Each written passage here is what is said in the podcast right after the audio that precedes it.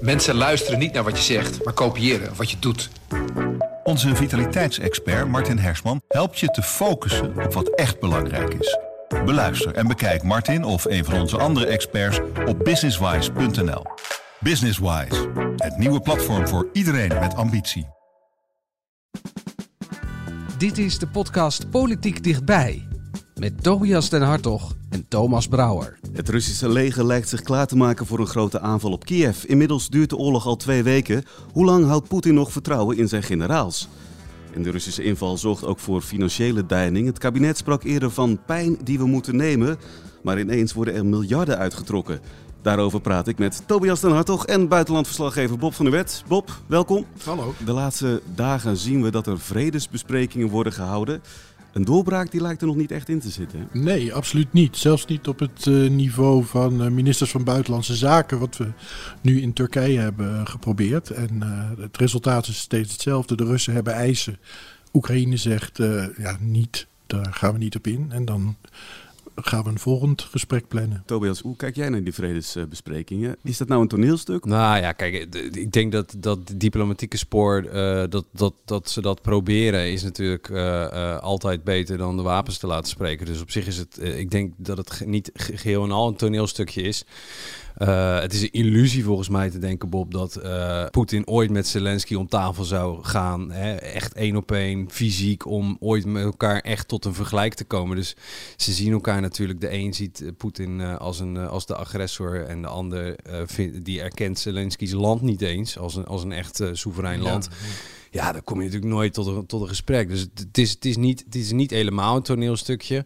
Maar volgens mij was het ook dit, van de week was het binnen een half uurtje of zo. Ja, we, we, ja, kwamen was... de berichten, nou het is al klaar. Ja, ik Ja. weet niet hoe, hoe, hoe dat dan is gegaan. Dat je zegt, nou hoe drink je je koffie en dan ben je al door de helft van de tijd heen. eh, Zo'n beetje. Het heeft ook alles met de framing te maken. Hè? Je, je wil niet dat, jou, dat jij wordt nagewezen als degene die vrede geen, kan, geen kans heeft uh, gegeven. Dus uh, ja, daarom gaan ze, daarom zitten ze daar en zeggen ze ook van tevoren al, uh, Zelensky in ieder geval, ja, ik verwacht er niet veel van, maar ik moet daar naartoe. Maar puur voor beeldvorming dan dus? Ja, voor beeldvorming. Want stel je voor dat Zelensky zou zeggen, weet je wat, daar valt niet te praten met die lui. Dat heeft totaal geen zin. Dan kun jij het vervolg wel weer bedenken van wat er uit Moskou uh, binnen een minuut de wereld rondgaat. Kijk eens, wij steken onze hand uit, wij bieden aan om dit vreedzaam op te lossen. En die rot Zelensky die wil niet eens met ons praten. Nou, dat is framing en dat, dat, dat gaat hij natuurlijk niet uh, over zich afroepen. Er zijn helaas geen uh, camera's bij die vredesbespreking, want anders hadden we kunnen zien hoe dat loopt. Hebben we daar een beetje idee van hoe die gesprekken dan gaan tussen de Russen en de Oekraïners? Nou ja, dat, dat, durf ik niet te zeggen. Ik weet, ik weet wel dat, kijk, als er, als er uh, pijnlijke gesprekken zijn, hier bijvoorbeeld in Nederland, hè, en, en wij, wij schuiven een minister naar voren of, een, of Rutte doet dat ja, dan krijg je in het begin uh, uh, heel wat small talk en, en heel veel uh, lofuitingen over hoe geweldig je land is, of je organisatie, of het doel waar je voor. dat is waar, lastig nu. Hè? Ja, dat is lastig nu, dus dat, dat, dat, kun je, dat kun je overslaan. Dus het kan ook best wel eens Siberisch koud zijn aan die tafels, kan ik me zo voorstellen. Bij, bij Rutte gaan landen, ambassadeurs of regeringsleiders gaan altijd weg met het idee van, nou, ik heb hier precies gekregen waar ik, waar ik voor kwam. En dat krijgen ze dan uiteindelijk helemaal niet altijd. En volgens mij heeft Rutte precies hetzelfde uh, als hij ergens in het buitenland uh, over gaat, gaat praten. Uh, behalve die ene keer met Trump dan, uh, dat hij me openlijk tegensprak. Maar het is natuurlijk altijd uh, vleierij en zo over en weer. Ja, dat kan nu natuurlijk gewoon helemaal niet. Dus ja, ik kan me voorstellen dat het een vrij kort zakelijk gesprek is... waarbij je je eigen eisen opdreunt en de ander zijn eisen. En dat je dan zegt, nou ja, dan komen we dus niet tot een vergelijk goedemiddag. Nou, Thomas had het over lichaamstaal. Ja. dat zou je ook kunnen uitbreiden naar hoe zien ze eruit. Hè? Lavrov, altijd prachtig pak aan, strak, strak gezicht ook. En al die gasten die eromheen zitten, precies hetzelfde. En dan komt die Oekraïense delegatie ja. binnen met uh, bij, bijna een vechten nu. Ja, met, kisten en uh, ja, een groene trui. Groene ja. trui, camouflagekleuren, ja. petjes op. Als je het dan over toneelspel hebt, dan is dat ook een toneelspel. Want wat zegt dat jou dan? N nou, dit zegt, uh, jongens, wij zijn, uh, wij zijn de jongens van het volk. Wij beschermen onze mensen. Wij staan met uh, de poot in de klei. De poot in de klei, exact. En in dit geval staan die tanks ook trouwens allemaal in de klei. Maar in ieder geval dat, dat beeld. En dan komt er zo'n hele formele eh, Lavrov eh, binnenschuiven, die idiote dingen zegt van, van dat het land niet eens bestaat en dat soort. En denk van ja, van welke planeet kom jij? Weet je, die slag die win je dan wel. En dan hebben we het nog niet eens over hoe ze dat in de social media eh, spelen. Sociale media, dat is geweldig doen ze dat, de Oekraïners. Ik bedoel, iedereen loopt met geel-blauw rond. Ik heb weinig mensen gezien die met Russische vlag of, of met een Z rondlopen. Ja, over de informatieoorlog gaan we het straks zeker nog even hebben. Minister Hoekstra die sprak zich deze week ook uit over die vredesonderhandelingen. Laten we heel even luisteren. Meerdere gesprekken hebben er plaatsgevonden en tot nu toe zijn de verwachtingen steeds laag gespannen en leveren ze ook helaas bitter weinig op. Ja, gegeven hoe de kaarten liggen, kan ik niet anders dan daar toch ook uh, verwijtend kijken naar ook hier weer de Russen. Want, want zij bevinden zich op een plek waar ze totaal niet hoeven te zijn. Zij stellen daar allerlei eisen die, die op geen enkele manier redelijk zijn. En nou ja, ik vind het goed dat Oekraïne er naartoe blijft gaan. Ik, ik hoop dat ze daar ook mee doorgaan. Uh, maar wanneer we daar een, uh, tot, een, tot, een, tot, een aanvaardbare, tot aanvaardbare afspraken komen, dat is heel erg lastig te zeggen. En dat gaat ze denk ik ook mede het gaat ook mede gezien worden in het licht van wat er natuurlijk op de grond gebeurt. Ja, en wat daar op de grond gebeurt, daar zagen we deze week vele beelden van voorbij komen. Onder andere van een bombardement op een kinderziekenhuis en een kraamafdeling. Ja, Bob, uh, bij dat soort bombardementen dan denk je aan dat zal wel een vergissing zijn, een foutje van de Russen. Dat lijkt nu toch niet het geval te zijn. Nou, is dat zo? Want het wordt nog steeds uh, ja, de Russen, onderzocht, die, De Russen die zeiden achteraf, ja, dit is helemaal geen kinderziekenhuis. Hier zaten Oekraïense extremisten. Ja, maar daarna kwam er nog een, uh, een, een een toezegging van we gaan dit onderzoeken. We gaan degene die uh, hier verantwoordelijk voor zijn uh, vragen hoe dat is gegaan. Dat is toch wel weer een kleine, kleine wijziging. Maar inderdaad, het eerste verhaal, en dat is een uh, klassiek verhaal, is alles waar Rusland op schiet, daar zijn geen burgers. Punt. En en dus, dus dat is de, het uitgangspunt. Nou blijkt wel,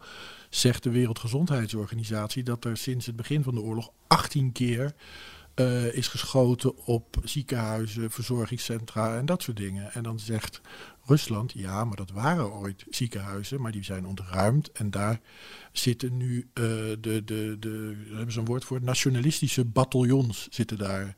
En dan in het Russisch betekent dat zoveel als daar zitten de fascisten, daar zitten de neonazies. Dus daar mag je op schieten, weet je. Uh, alleen in dit geval, dat ziekenhuis, ja, daar, daar, heb ik toch echt, de hele wereld heeft daar zwangere vrouwen op brancards uh, afgevoerd zien worden.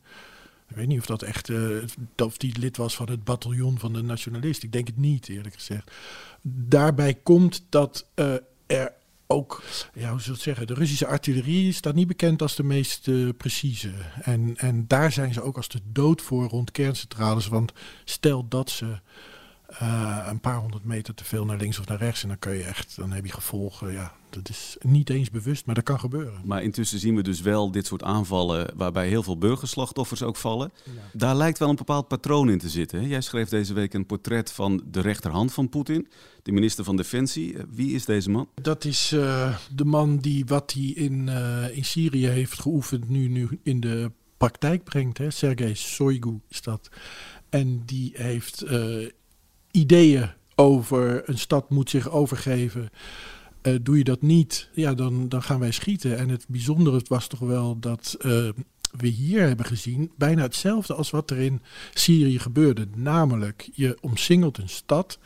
Vervolgens bied je uh, humanitaire corridors aan, zoals ze dat dan noemen. Dus zeg maar vluchtwegen waar de mensen uit de stad die worden beschoten weg kunnen.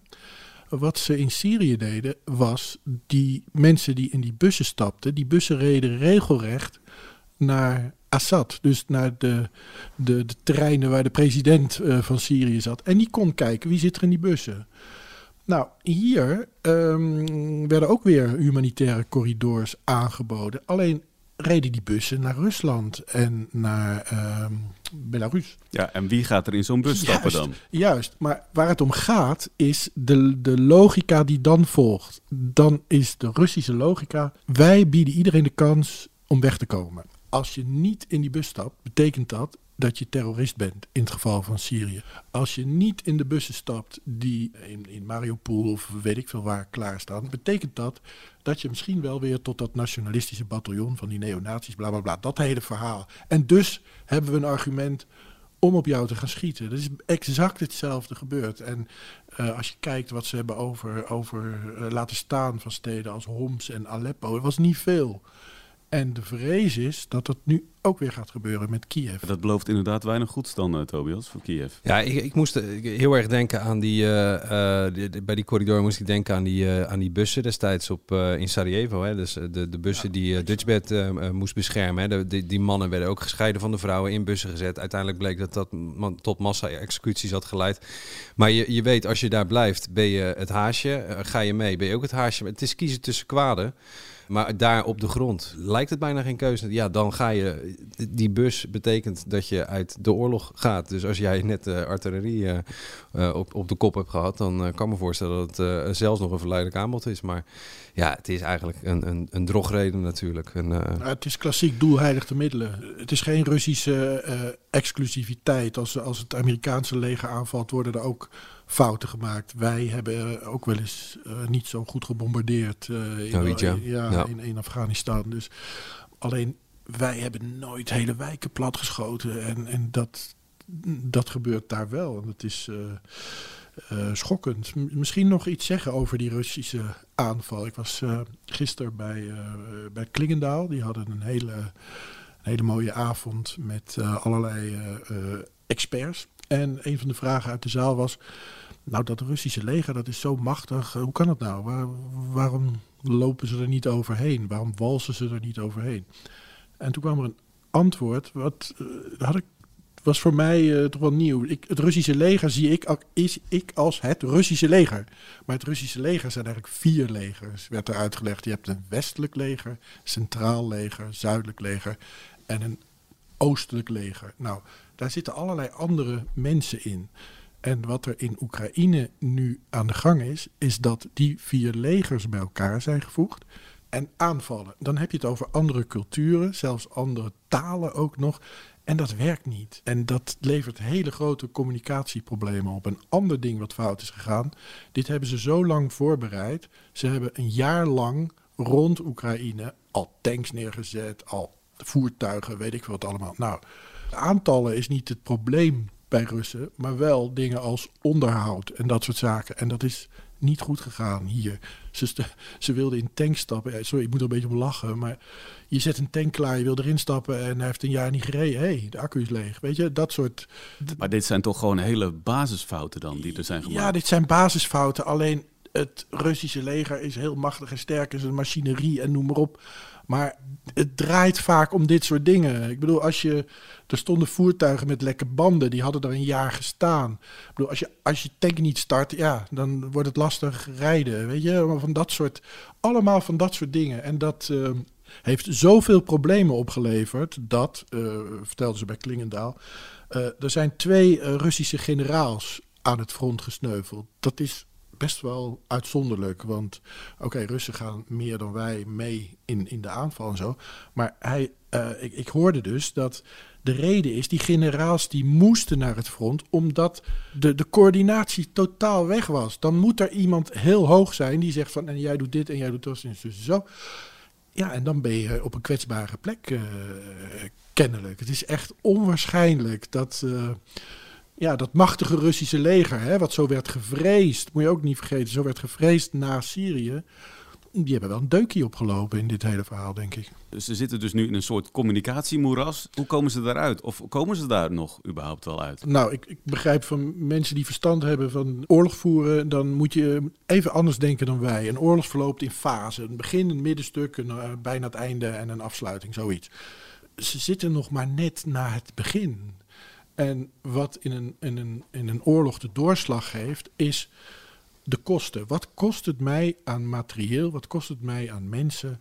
Kan ik dat betalen en kan ik daar thuis mee aankomen?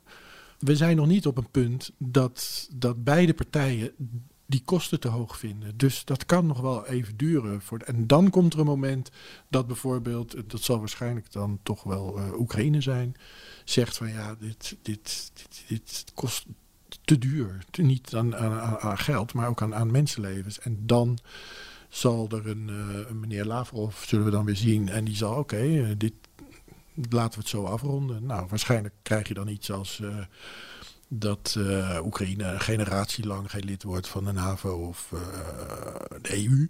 En dat ze instemmen in dat de Krim toch eigenlijk wel deel was van Rusland. En die Donbass die mag ook onafhankelijk blijven lezen, luisteren naar Rusland. Als je dit dan zo hoort, dan snap je dat de Russen burgerslachtoffers maken. Want dan wordt die prijs voor de, Rus voor de Oekraïners wel heel hoog. Exact. Dan kan je dat dus versnellen. Dus er zit een bepaald doel met. Maar je kunt hem ook omdraaien. Laten we zeggen dat dat Oekraïense verzet met al die stingers en javelins en weet ik veel wat heel erg succesvol wordt. En stel dat al die tanks en al dat geschut wat nu voor rond Kiev wordt neergezet, daar zien we ook filmpjes van, hè, van boem boem, ineens zijn, al, zijn er vier tanks weg. Stel dat dat heel succesvol wordt. En stel dat, wat we ook hadden, uh, de Russische media hier nu wel over beginnen te praten, dan, weet je, dan, dan wordt die prijs voor Poetin weer een andere. Is het me dat waard? is het, is het me waard dat misschien wel mijn hele club wordt weggestuurd? Ja, je zei al, de Russische media die hierover zouden gaan praten, daar zagen we deze week al beelden van. наша страна, она... Не-не-не-не-не! Нет, нет, я не хочу это слышать. Подождите, нет, послушайте, стойте. Они гибнут все равно. Стойте. Они все равно да, остановитесь. Они, подождите. Ja, Bob, mijn uh, Russisch is wat roestig, maar dit klinkt niet heel gezellig. Nee. Maar wat horen we hier? Tobias spreekt Russisch, toch? Dat nou ja, wat, je, wat hier gezegd wordt, nee, geen idee. nee. Maar je hebt de vertaling erbij, hè? Ik heb de vertaling erbij en die kreeg ik uh, van een collega. Uh, dit is een, uh, een, een uitzending op een televisiekanaal, ook voor ons toch best wel apart, wat eigenlijk wordt gerund door het ministerie van Defensie. Dus dan zou je verwachten uh, triomferende Russen in de Donbass of zoiets. Maar goed, hier staat dan een generaal op. En die onder, onderbreekt het, uh, het Hosanna en zegt dan: uh, Er zijn hier veel mensen met gevechtservaring. Ze hebben Afghanistan meegemaakt, ze hebben de Tsjetsjeense campagne meegemaakt, ze zijn door de Donbass getrokken. En nu zijn onze jongens daar. En uh, onze speciale operatietroepen die sterven nu in ons land. Dat is ook wel een rare zin, want dan zou, denkt hij dus dat, zegt, dat, dat de Oekraïne, Oekraïne erbij hoort. Hè? Ja, maar goed, in ons land. En dan zegt de presentator, die wordt heel boos. Nee, nee, nee, ik wil dit niet horen. Wacht. En dan zegt die generaal, ja, maar ze gaan toch dood? Ze gaan dood. En dan zegt de presentator, stop. En dan zegt de generaal: Ik wil gewoon dat we opstaan en de nagedachtenis eren met stilte van al die jongens die daar vechten voor Rusland in de Donbass. Presentator grijpt in en zegt: Kun je mond houden? Ik zal vertellen wat onze jongens daar doen. Onze jongens zijn daar bezig om die fascistische klootzakken te, uh, te verpletteren. Dat klopt, zegt de generaal, maar. En dan gaat de presentator helemaal uit zijn dak. Uh, van nee, dit is de triomf van het Russische leger. Dit is de wedergeboorte van Rusland, roept hij dan. Dat een generaal opstaat in zo'n programma en zegt van onze jongens sterven daar nu. Dat is, dat is ongekend. Ik bedoel, nog niet zo lang geleden hadden we het over journalisten die 15 jaar cel, geloof ik, riskeerden als het woord oorlog zouden gebruiken. Of het woord uh, invasie, dat mocht niet. Dit was gisteren op de Russische tv. Er zijn signalen dat er meer twijfel is bij presentatoren die zeggen van ja, maar wacht even, wat was het plan nou? Gaan we Rusland, of sorry, gaan we Oekraïne bezetten, maar met hoeveel man dan?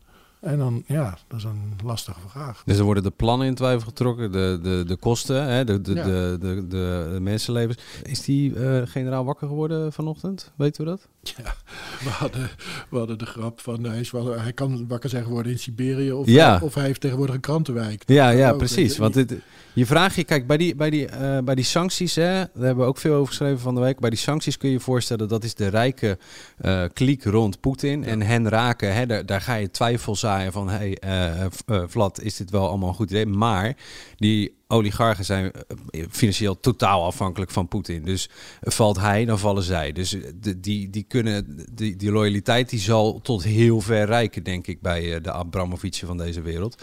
Maar die generaals, ja, op zich dienen die een leger en wel de president natuurlijk. Maar is het denkbaar dat de opstand uh, vanuit het leger nou ja, wel een beetje een vuist zou kunnen gaan vormen. Wat, wat, ik opmerkelijk vond in dit verhaal was dat hij meteen aan Afghanistan refereerde. Ik bedoel, voor ons is Afghanistan waar de Amerikanen uh, zijn vertrokken met al die dramatische scènes, mensen aan het vliegtuig, ja. weet je dat allemaal. Maar daarvoor was er nog iets in Afghanistan en dat waren de Russen die daar vochten.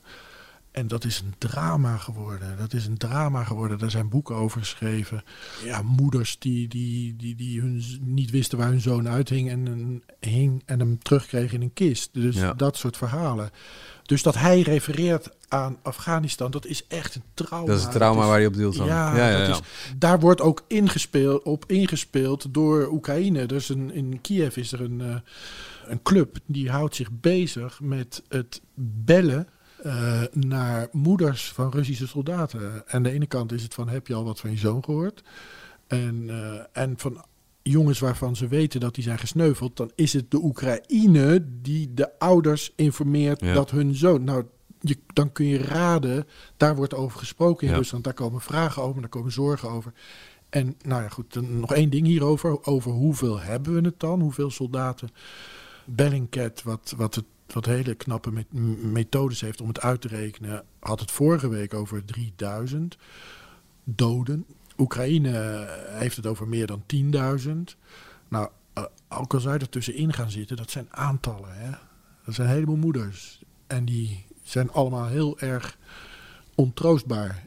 En die zullen dat laten weten aan de mensen die rond die moeders wonen. En zo, zo Ja. gaat dat. En, en die generaals, die, ja, die zijn ook niet te spreken over dit aanvalsplan. Plan. Dus dat zou best nog wel eens gevolgen kunnen hebben. Ja, daardoor zal de druk op Poetin in ieder geval ook gaan toenemen. Wat gaat hij nou doen als dit, dit conflict, deze oorlog nog weken gaat duren? Nou, bij Poetin heb je al twee smaken. Nee, dat, is, eh, dat, is, eh, dat is totaal alsof je in een donkere kamer in kijkt natuurlijk. Dat, dat is bij, bij Poetin eh, Nou, tamelijk ongewist, toch? Ja, en het is ook niet voor niks dat er nu weer geluiden komen over biologische oorlogsvoering en, en, en eh, chemische oorlogsvoering. Bedoel, Ja, we waren al bang voor een nucleaire oorlog, Ja, die- maar dit die- komt er ook nog eens bij dan. Die, die, die, ik geloof de nucleaire oorlogsvoering die hebben we gehad. Dat is, past niet, is niet echt in het Russische draaiboek. Maar wat wel altijd in het Russische draaiboek zit, is dreigen. En mm, ja, nu eh, wordt er in de Veiligheidsraad weer gesproken over een heel verhaal dat de een geeft de ander de schuld. Dat die dat soort chemische wapens en zo zou voorbereiden. Maar in ieder geval, het gaat om de angst. Het gaat om misschien gaat hij dat inzetten. En ja, ik weet het niet eh, wat, wat eh, Poetin doet. Wat ik wel opmerkelijk vond, we hadden een paar weken geleden, toen zei Mark Rutte iets wat een heleboel boosheid in de social media opleverde. Hij zei dat eh, Poetin paranoia was. Hè? Ja, In- paranoia. in ja. die- in die bij Jinek zei hij dat. eh, dat zei ja. hij bij Jinek. Ja, nou, daar is het een en ander over te doen geweest. Als je eh, rapporten leest van veiligheidsdiensten, of tenminste wat daarvan naar buiten komt, dan komt dat beeld ook naar voren. Van niet paranoia, maar ook niet stabiel. Levend in een wereld die er niet meer is. De dromend van een groot Russisch Rijk, wat er niet meer is. Eh, levend 30 jaar geleden, toen Oekraïne gewoon Sovjet-Unie eh, heette. Ik denk dat dat geen verspreking was van Rutte. Dat Rutte ook, die leest rapporten, die leest allerlei van, van, van, van buitenlandse inlichtingendiensten. Dat wordt gedeeld met ons. En ik, of een verspreking was, weet ik niet. Maar ik denk dat ze zich serieus zorgen maken over de, de, de mentale toestand van eh, de baas in het Kremlin. Echt waar. Ja, dat zorgt natuurlijk voor internationale angst. Die angst is ook te merken eh, bij landen die grenzen aan Oekraïne, die grenzen aan Rusland. Onder andere eh, de Baltische Staten. Deze week zei de Russische minister van Buitenlandse Zaken Lavrov nog dat die niet van plan is om andere landen aan te vallen. Ну и что касается вашего вопроса о том, а, планируем ли мы нападать на другие страны, на другие страны мы нападать не планируем. Мы на Украину не нападали. Toch neemt die onrust in de buurlanden wel toe. Onder andere onze minister van Buitenlandse Zaken Wopke Hoekstra ging er naartoe. Men is hier natuurlijk zeer bezorgd. Men leeft hier natuurlijk echt eh, in de onmiddellijke nabijheid van Rusland zelf. En kent natuurlijk ook eh, de lessen van het verleden. Als ik jou net zo hoorde, Bob, dan is het helemaal niet vreemd dat de Baltische Staten zich zorgen maken. Nee, maar de, de, de, de, de paranoia Poetin heeft nog niet zo lang geleden tegen Emmanuel Macron, de president van Frankrijk, gezegd dat het, hoe kwam die erbij dat, het, dat die Oekraïne zou gaan aanvallen? Dat, dat waren allemaal verzinsels van het Westen en onmogelijk. Nou, ja, dat, Dat kun je moeilijk volhouden nu, toch? En dat maakte de uitspraken van Lavrov eigenlijk nog uh, beangstigender, uh, Tobias. Ja, hij zegt, uh, we, hebben, we hebben geen plannen hè, om andere landen aan te vallen. En we, we, hebben Oekraïne in eerste instantie al helemaal niet aangevallen. Hè. En dan kun je, kun je of aangevallen, dan kun je zeggen, ja, Oekraïne is geen land en het is een speciale operatie, een bevrijdingsinzet van de Russen. Nou ja, allemaal... Ja, dat vind ik wel een belangrijke die je nu maakt. Want, ja. want dat is... Dat is de hele redenering. Exact, ja, maar, Dat, maar ze geloven er ook in. Ja, nee, zeker. Ja, nee, dus dat, dat maakt het... Maar het maakt voor, voor ons, van hier vandaan, hè, uh, laten we vanuit het Westen bekeken, hè, want wij zijn ook niet objectief, wij kijken ook, door een bril naar dit conflict maakt het wel dat de Russen zo, er zo'n vreemde redenering op nahouden dat je met alles rekening moet houden. En als je dan Letland neemt, ja, ik geloof dat als je uh, in Riga in een willekeurige flat aanbelt, de helft van de mensen spreekt daar niet eens Lets. Die spreken gewoon alleen maar Russisch. Vooral die oudere generatie, jarenlang onder de knoet van, van de Sovjet geleefd. Die spreken helemaal geen, geen Lets. Die, die, die, dat land heeft amper nog een identiteit. Dat is allemaal nog groeiende. Uh, dus ik, ik kan me die angst dan wel voorstellen. Dat je denkt, ja, nou ja, dan is het misschien ook niet zo vreemd dat ze hier een keertje op de deur gaan kloppen. Tegelijkertijd, als je hoort hoe het leger aan toe is, zie maar eens drie Baltische Staten en de NAVO uh, te tergen. Ik uh, kan me niet voorstellen hoe dan, maar het, ja. Ja, maar nou, wat je net zei, hè, van ze zijn Russisch. Dat was gisteren in dat debat een, een heel heftig ding. Want wij hadden ook een verhaal in de krant van, uh, van Harold over Odessa, waar mensen bezig waren zandzakken te vullen. En Harold was het opgevallen dat dat uh, Russisch sprekende mensen waren. En dan zou je denken, hè, Russische Russen die, die de stad gaan verdedigen tegen Russen, dat wordt een beetje een raar verhaal. En, dat, en datzelfde verhaal zou je kunnen vertellen over die Baltische staten. En daar gaat het ook fout in het hoofd van Poetin, volgens sommigen. Dat, dat zijn wel Russisch sprekende mensen, maar het zijn niet Russisch denkende mensen. Ze zijn al jarenlang op een heel ander, uh, een heel ander zicht op de wereld hebben ze gekregen. En, en die Balten, die staan er ook niet te wachten. Zelfs de Russische Balten, die staan allemaal niet te wachten om weer in dat oude systeem terug te vallen. Daar hebben ze slechte ervaringen mee. En ja, maar ze hebben de NAVO daar, dat scheelt wel. Ze krijgen dan deze week bezoek van uh, onze minister van Buitenlandse Zaken, Hoekstra. Wat kan hij die mensen in de Baltische Staten nu eigenlijk bieden? Wat, wat kan hij ze vertellen? Nou, ik denk dat de gemiddelde led echt met opluchting kijkt. Uh, hoe, ja. als, de, als de KWX-land met, ja. met Hoekstra, dan denkt hij, nou, nu, nu zitten we goed. Ja. Nou, nu hebben we... Nee, dat doet natuurlijk weinig. Maar het heeft wel uh, symbolische uitstraling als die regeringsleiders uh, hun, hun, hun neus laten zien. Of ministers hun neus laten zien in die landen. Voor de uh, voor de regeringsleiders. Daar is dat natuurlijk een, een blijk van steun. En het is een mooi moment om op de foto te gaan. En dat er misschien eens een keer iemand op, uh, op de, op de uh, Letse TV of de S-TV ziet dat meneer Hoekstra uit Nederland de moeite heeft genomen ons hart en de riem te steken. Dat werkt allemaal wel mee. Maar ja, de facto is het niet meer dan laten zien dat je nog steeds welkom bent op het volgende kinderfeestje van de ander.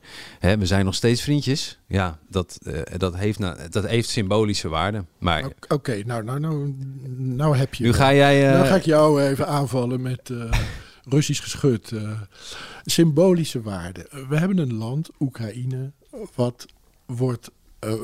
zoals, de, zoals de presentator van het programma zei, we verpletteren ze, zei hij, letterlijk. Dat is nu aan de gang. Dat land roept om hulp, vraagt om lid te mogen worden van de EU. Vraagt misschien wel iets snellere procedure. Ik zie je al kijken, je weet al wat. Ik weet waar je heen je gaat, heen uh, ga. Bob. Ja, dus de opbouw is uh, die, duidelijk. En dan zeggen wij, op een moment dat je, laten we zeggen, uh, mensen nodig hebt die je omarmen, mensen die warmte geven, dan sturen wij een boekhouder die zegt van ja, maar wacht even, daar gaan we niet aan beginnen. En de boekhouder zoekt ze dan nu. De, ja. de, de, de boekhouder zegt Oekraïne er is nog een lijst wachtende voor u. Weet je wat? Ik word daar echt helemaal niet goed van. Is het nou echt zo onmogelijk om ook Oekraïne een vorm van steun te geven?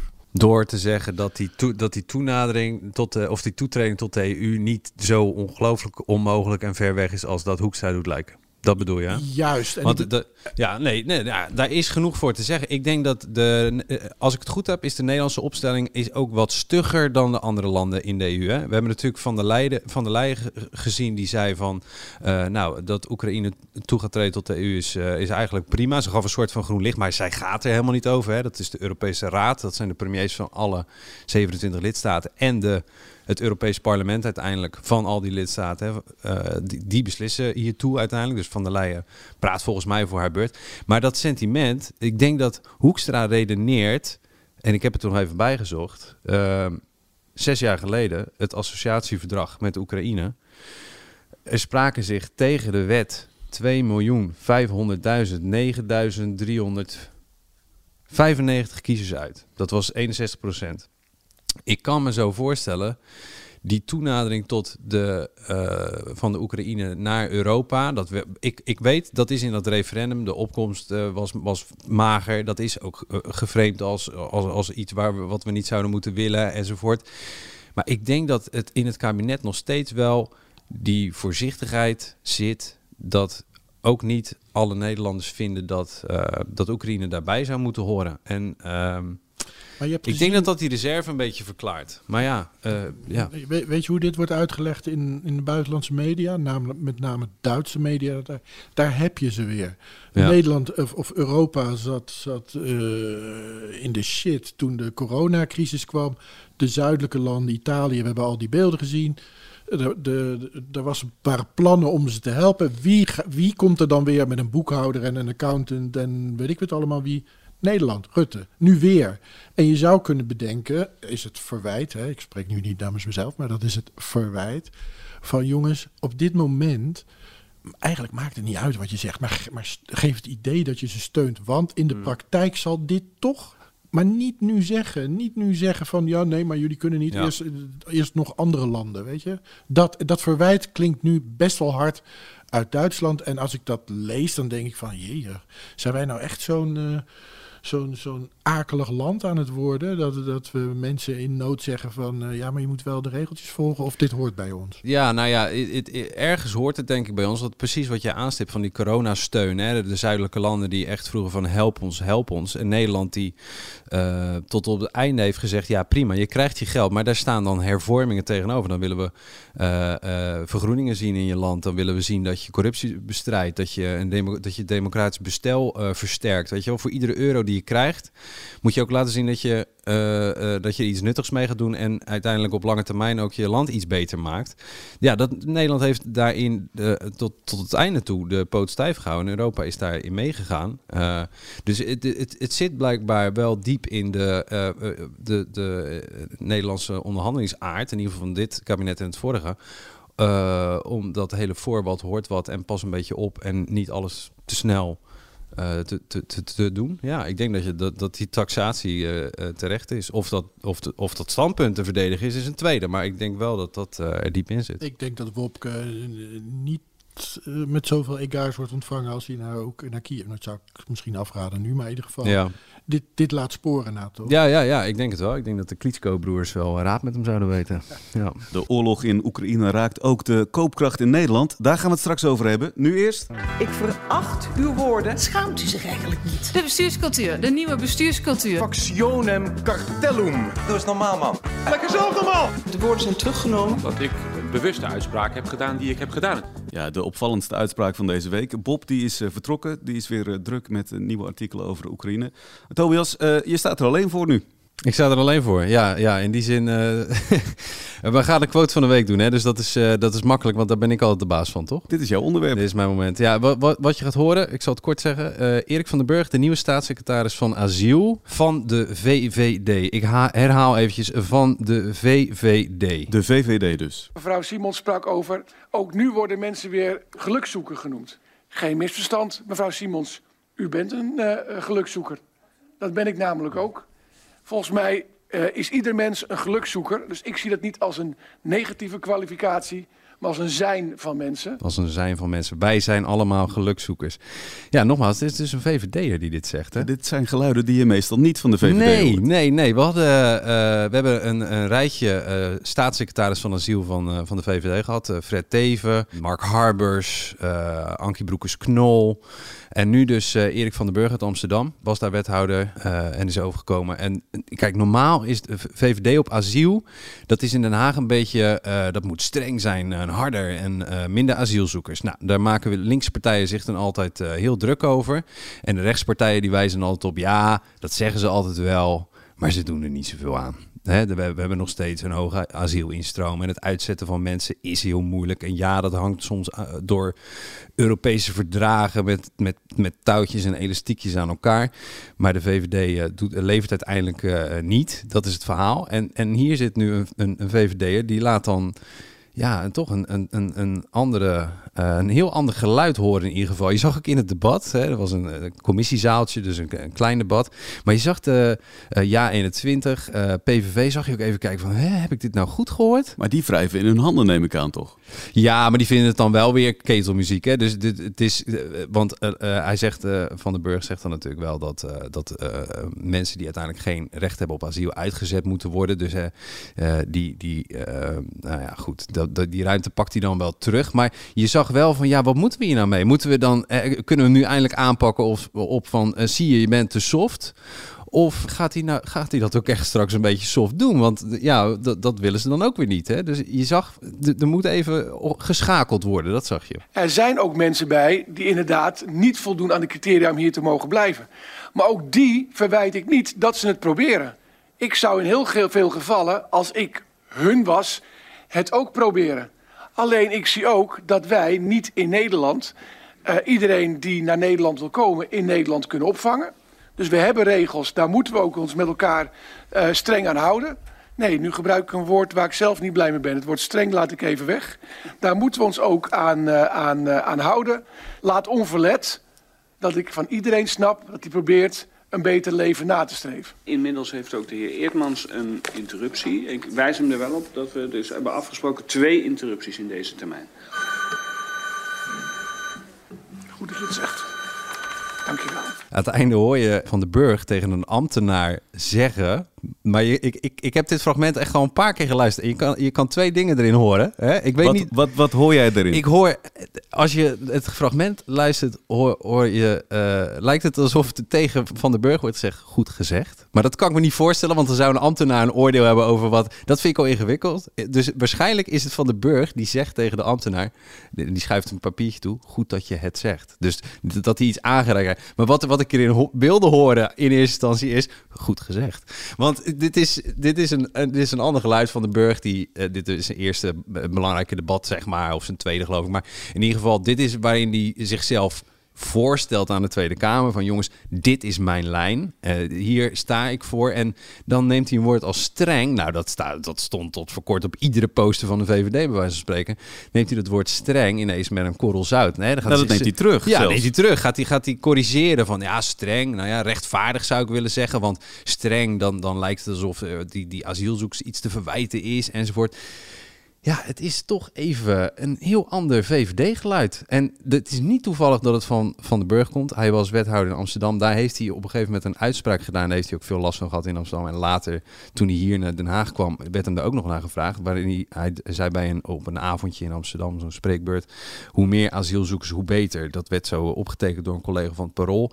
Ehm, hij bedoelde daarmee iets te zeggen over eh, eh, dat hij zich zorgen maakte over enclaves die ontstaan binnen Amsterdam. Hè, dat mensen geen contact meer hebben. En we nou ja, we hebben ook arbeidsmigranten nodig enzovoort. En het, het, was allemaal, er zat een enorme context aan, maar die quote bleef natuurlijk op de zeef liggen. Ja, dus eh, ik, ik ga met interesse eh, van de Burg volgen, want dit is. ehm, eh, dit is niet des, des VVD's en misschien een nieuwe koers, misschien ook niet. Maar het is in ieder geval, het wekt wel bela- belangstelling. Zien we ongetwijfeld terug in deze rubriek, uh, Tobias. Ja, waarom in de gaten? Gaan we het nu hebben over de koopkracht. Want de Russische inval heeft beurzen in het rood gestort. De gasprijs en de benzineprijs naar recordhoogte gestuurd. En het kabinet leek daar niet veel aan te willen doen. Maar trekt nu ineens toch de portemonnee. Hoe zit dat, Tobias? Ja, uh, gisteren raakte dat allemaal ineens in de stroomstelling. Kijk, deze week, uh, er was duidelijk, hè, we hadden al even voor de inval van, van Rusland, we hadden hoge inflatie, we hadden hoge gasprijzen. Hè, want Rusland had al moeite nog voor de inval om, om om eh, eh, Europa het gas te leveren dat, eh, dat we van hen wilden. Had ook met corona te maken. Nou ja, daarbovenop kwam de Russische inval. heel, heel de wereld voelt die financiële schok. En in Nederland ook. Dus het probleem was alsmaar groter geworden. Dan kwam, kwam er deze week kwam de, het Centraal Planbureau. Dat zijn zeg maar de rekenmachines van dit kabinet. Hè, die berekenen wat kost het beleid en, en, hoe slaat dat neer in de staatsschuld. En Waar, waar ga je geld aan uit, waar kun je je geld aan uitgeven? En als je dat doet, wat kost dat dan allemaal?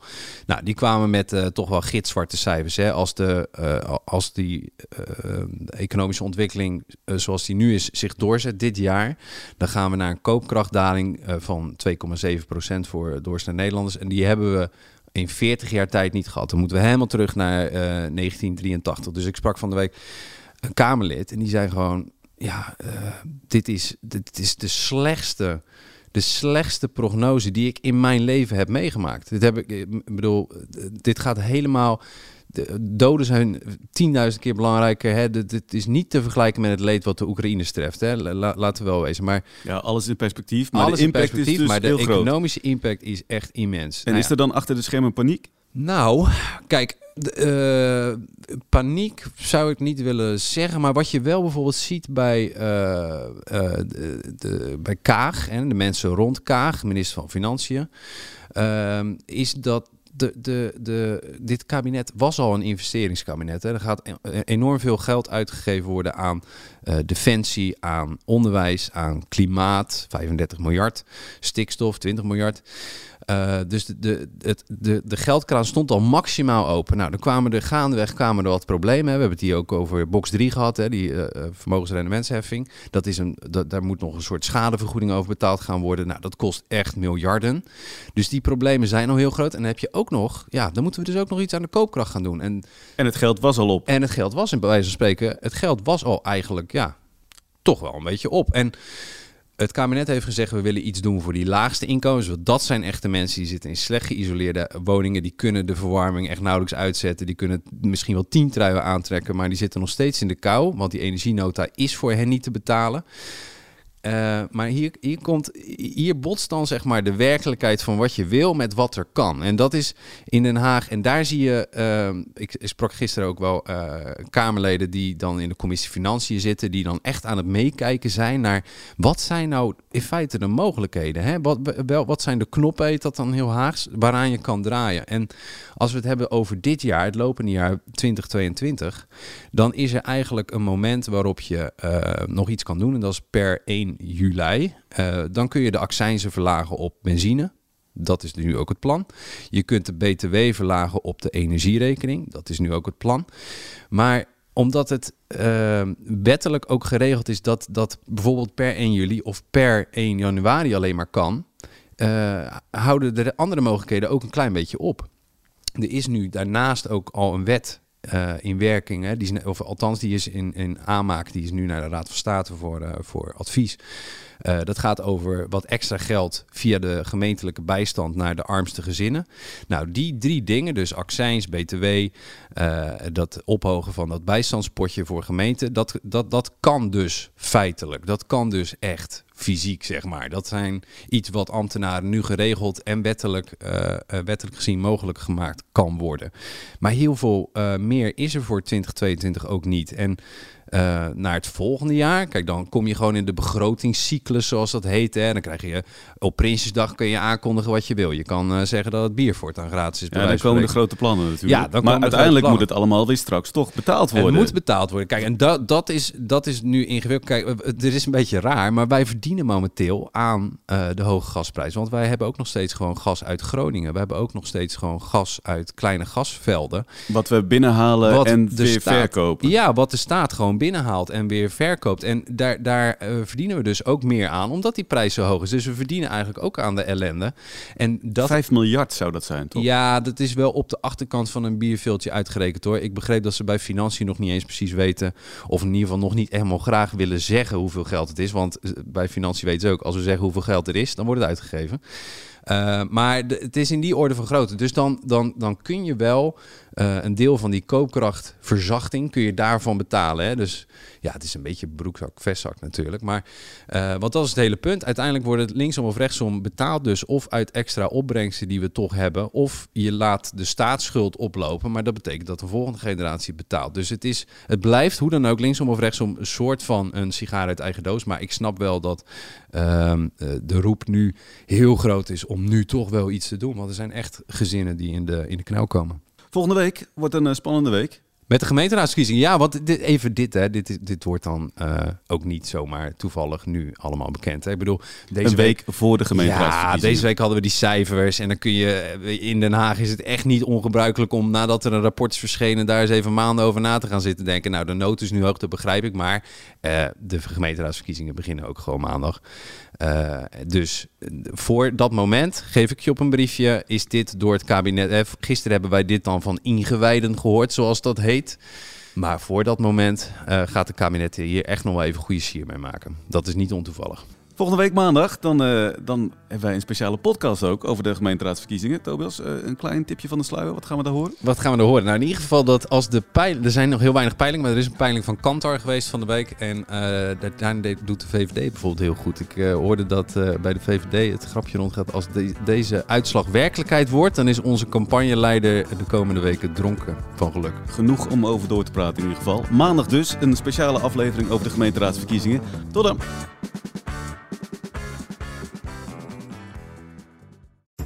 We worden dagelijks overladen met overbodige informatie. En het is moeilijk de zin van de onzin te scheiden. Daarom vertrouw ik op echte journalisten in plaats van meningen. Een krantenmens heeft het gemakkelijk. Word ook een krantenmens en lees je favoriete krant nu tot al zes weken gratis. Ga snel naar krant.nl. Bezorging stopt automatisch en op deze actie zijn actievoorwaarden van toepassing. Een goede spreker herken je aan de Q&A aan het eind. Onze lifehack-expert Martijn Aslander geeft je adviezen waar je echt wat aan hebt. Beluister en bekijk Martijn of een van onze andere experts op businesswise.nl. Businesswise, het nieuwe platform voor iedereen met ambitie.